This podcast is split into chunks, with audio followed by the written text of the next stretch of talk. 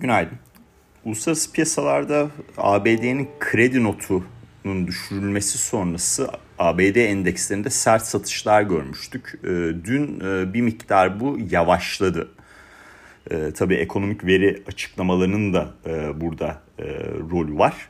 Ama en azından S&P 500'ün günü eksi 0.25'lik bir kayıpla sonlandırdığını görüyoruz.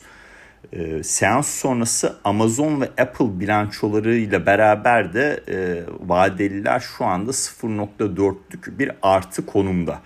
E, dolayısıyla işte o 2011 versus 2023 durumunda o zaman S&P Ratings'in e, ABD'nin kredi notu düşürmesiyle tetiklenen yaklaşık böyle %18'lik düşüş yaşayan S&P ile mevcut durumdaki e, işte Fitch'in e, ABD'nin kredi notunu düşürmesi sonrası e, satışların çok kalıcı olmayacağı e, yorumunun yavaş yavaş çalışmaya başladığını görüyoruz. İkisi birbirinden detaylarda çok farklı durumlar. Her ne kadar hareket yani S&P AAA'den AA Plus'a düşürdü. Fitch AAA'den AA Plus'a düşürdü. Birbirine benzer birebir benzer olsa da detaylar 2011 yılı versus 2023 yılı oldukça ayrı. Bunu daha önceki podcastlerde işledim tekrardan işlemiyorum.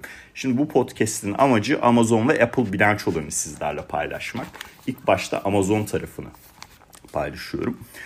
E, gelirler %11 yıllık bazda büyüyerek 134.4 milyar dolara ulaştı. Piyasa beklentisi 131,5 milyar dolardı. Hisse başı kar da e, 65 sent ile 35 sentlik beklentinin üstünde. Amazon hissesi e, seans sonrası işlemlerde %9'a yakın primli seyrederek 2023'ün en yüksek seviyelerine doğru gidiyor. Burada 140-145 direnç bölgesine takip ediyorum. Bu bölgenin geçilmesi alımları bu tarafta daha da çok arttırabilir. Bu bölge kritik.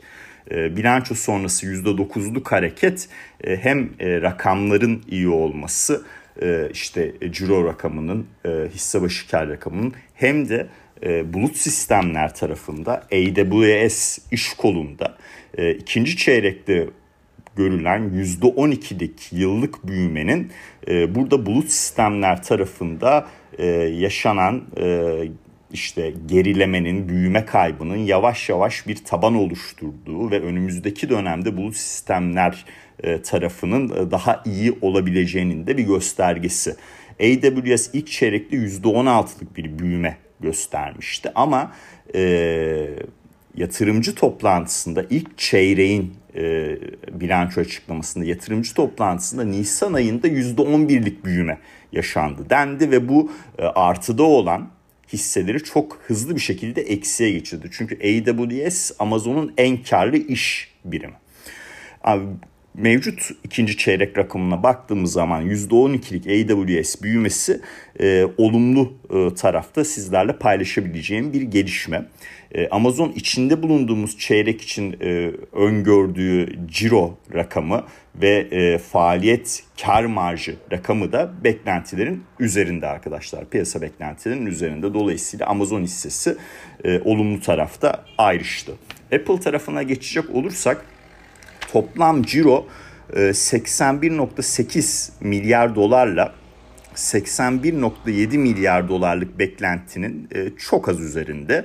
Hisse başı kar 1.26 dolarla 1.2 1.26 dolarla hisse başı kar 1.26 dolarla 1.2 e, dolar beklentinin üzerinde. Şimdi Ciro'da bir büyüme kaybı var. Yani 3 çeyrek üst üste eksi büyüme görüyoruz. 2016'dan beri Apple'da e, yaşanan en uzun e, işte e, ciro büyümesinde eksi rakamlar. E, ancak detaylara baktığım zaman e, tabii bu ciro e, kaybının e, işte 81.8'in ciro kaybından kasıt e, yıllık bazda eksi büyüme e, tarafında. E, pardon çeyreklik bazda olması lazım düzeltiyorum. Ee, burada e, bazı nedenleri var. E, şuradan bir kontrol etmem lazım e, o rakamlarla ilgili durumu. Bir saniyenizi rica edeceğim. Evet her zaman ilk söylediğiniz, ilk e, aklınızda oluşan doğru tabii ki. Yıllık bazda 3 e, e, çeyrektir toplam ciro eksi rakam açıklanıyor arkadaşlar. E, burada tabii e, ürünler portföyünün e, önemi var. E, yani bu çeyrekte de baktığımızda iPhone, e, iPad, Mac bu satışlar yıllık bazda e, rakamsal olarak gerileme e, gösteriyor. E, ama benim e, bilanço açıklamasında en çok hoşuma giden taraf e, hizmetler sektörü tarafında hizmetler e, iş birimleri tarafında e, 1 milyar kullanıcı sayısına ulaşması. Şimdi bu 1000 milyar kullanıcı sayısı yani bu ne demek işte Apple Music, iCloud, Apple TV, Apple Fitness vesaire bu tarz e, üyeliklere işte e, dergi üyelikleri vesaire app üzerinden App Store üzerinden yaptığınız vesaire e, bu tarz e, üyeliklerin 1 milyar kişiye ulaşmasının e, anlamı şu. Disney Plus'ı, Netflix'i, HBO'yu, Palatını bunların üye toplam üyelerini toplayın. 2 ile çarpın Apple'a ulaşıyorsunuz. Şimdi hizmetler tarafında 20 milyar 21.2 milyar dolarlık bir toplam ciro elde etmiş geçtiğimiz çeyrek Apple. Bu 20.8 milyar dolarlık beklentinin üzerinde. Hizmetler tarafının toplam ciro içindeki payının işte toplam ciro bu, bu çeyrekte 81.8'di giderek artması Apple'ın net kar marjına olumlu yansıyor. Neden? E, hizmetlerin brüt kar marjı işte yüzde 71 e, ürünler tarafının neredeyse iki katı. Dolayısıyla burada kullanıcı sayılarının artması, üyeliklerinin artması, e, buradan daha fazla ciro elde edilmesi Apple'ın e, net karına olumlu yansıyor, daha olumlu yansıyor ve hisse başı karı da tabii bu olumlu e, etkiliyor arkadaşlar e, ürünler portföyünde iPhone satışlarının miktar olarak beklentinin altında kalması e, günün sonunda e, seans sonrası işlemlerde bir %2'lik kayba neden oldu. E, ama e, ben açıkçası 186-187 destek bölgesine dolar 186 dolar 187 dolar destek bölgesini izliyorum. Bu hizmetler tarafındaki gelişmeler oldukça önemli. Dolayısıyla böyle çok sert bir satış e, olmayacağını ve bu detaydan dolayı piyasanın düşüşleri bir alım fırsatı olarak da değerlendirebileceğini düşünüyorum. E, de, diğer detaylara geçecek olursak e, Çin tarafı aslında ürünler tarafı ürünler e, portföyünde e, büyümeye devam ediyor. %7.9'luk Çin tarafında gelirlerde artış var. Hindistan pazarını çok önemli bir büyüme pazarı olarak öngörüyor. CFO'nun yorumlara baktığımızda FX çalkantılarının bu ne demek? İşte Fed'in sert bir şekilde faiz artışları yapması tabii doların diğer para birimleri karşısında değer kazanmasına neden oldu. Bu da dönüp dolaşıp siz örnek veriyorum e, Berlin'de de iPhone satıyorsunuz, e, San Francisco'da da iPhone satıyorsunuz. Eğer dolar çok değer kazanırsa benzer fiyatlamalar yaptığınız için işte 1000 dolar 1000 euro şeklinde 1000 e, euroya sattığınızın sizin bilançonuzda gelir olarak işte sizin gelir tablonuzda dolara döndüğünüzdeki etkisi olumsuz oluyor dolar endeksinin yükselmesi ya da mesela işte gelişmekte olan piyasalardan bahsettik. Orada Hindistan'ın öneminden bahsettik. Ee, Çin'deki satış büyümesinden bahsettik. Mesela Yuan'ın dolara karşı değer kaybetmesi önemli bir etken.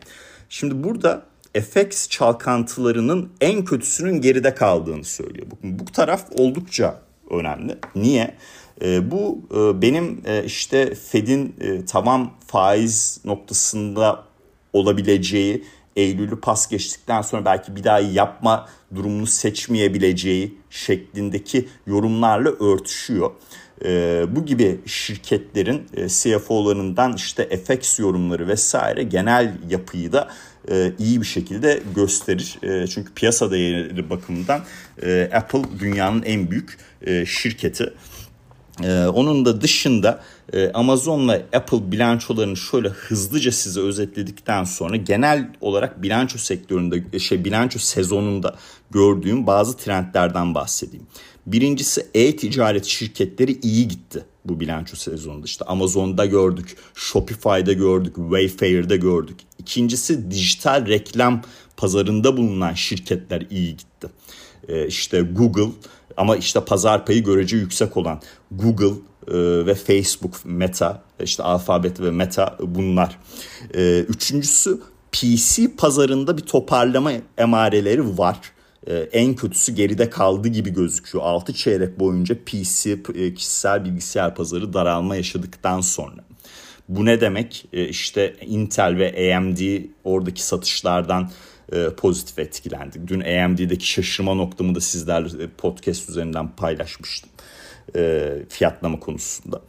E, iyi gitmeyen ne mesela cep telefonu satışları işte Apple detaylarında gördük Qualcomm e, detaylarında bunu gördük. E, böyle bir e, durum e, söz konusu. Haber akışı olarak da hızlıca bir şeye değineyim. E, yani dün Suudi Arabistan'ın tabii 1 milyon varil azalımı Eylül'de devam etmesi petrol fiyatlarını yükseltti. Ee, burada Ağustos ayı e, düşüncelerimde petrolde işte 83-85 dolar bandına gelindiği takdirde WTI'da 88-90 e, kullanım fiyatlı kol opsiyonu kısa pozisyon açma e, yakın vadelerde düşüncemi paylaşmıştım. Eğer o bölgeye gelirse bunu uygulamayı düşünüyorum. 10 ee, yıllıklar 2023'ün en yüksek seviyesinde getiri bazında. Bugünkü tarım dışı istihdam verisi sonrası bu taraf çok önemli arkadaşlar. Yani 10 yıllıkların bir miktar gerilemesi lazım. Ee, endeksler tarafındaki e, işte e, hareketin biraz daha olumluya dönmesi, değerli metallere biraz daha talebin artması e, adına. Tarım dışı istihdam verisinde manşette 200 bin artış bekleniyor. Ama benim için daha önemli olan konu e, saatlik ücretlerdeki değişim. E, burada yıllık 4.4'ten 4.2'ye gerileme bekleniyor. Yani 4.2 veya aşağısında bir rakamla karşılaşırsak 10 yıllıklarda da bir e, geri çekilme olacağını e, ben açıkçası düşünüyorum arkadaşlar. ADP verisinin detaylarına baktığımda e, işte e, işinde kalanların aldığı zam oranının 2021 Kasım ayından beri en düşük noktaya geçmesi, büyük şirketlerin e, yani 250 ve üstünde istihdam eden şirketlerin 81 e, bin kişi işten çıkarması bunları bence destekliyor bu durumu. İkinci çeyrekte iş birim başı işçi maliyeti de 1.6'lık e, bir yükseliş gösterdi. Yani 2.7'nin bekledik beklentinin oldukça altında %1.6'lık yükseliş. E, ilk çeyrek verisi de 4.2 %4.2'den 3.3'e geriledi. Bu tabii üretkenliğin arttığını e, gösteren bir şey. Diğer tarafta bugün açıklanacak tarım dışı istihdam verisiyle ilgili bence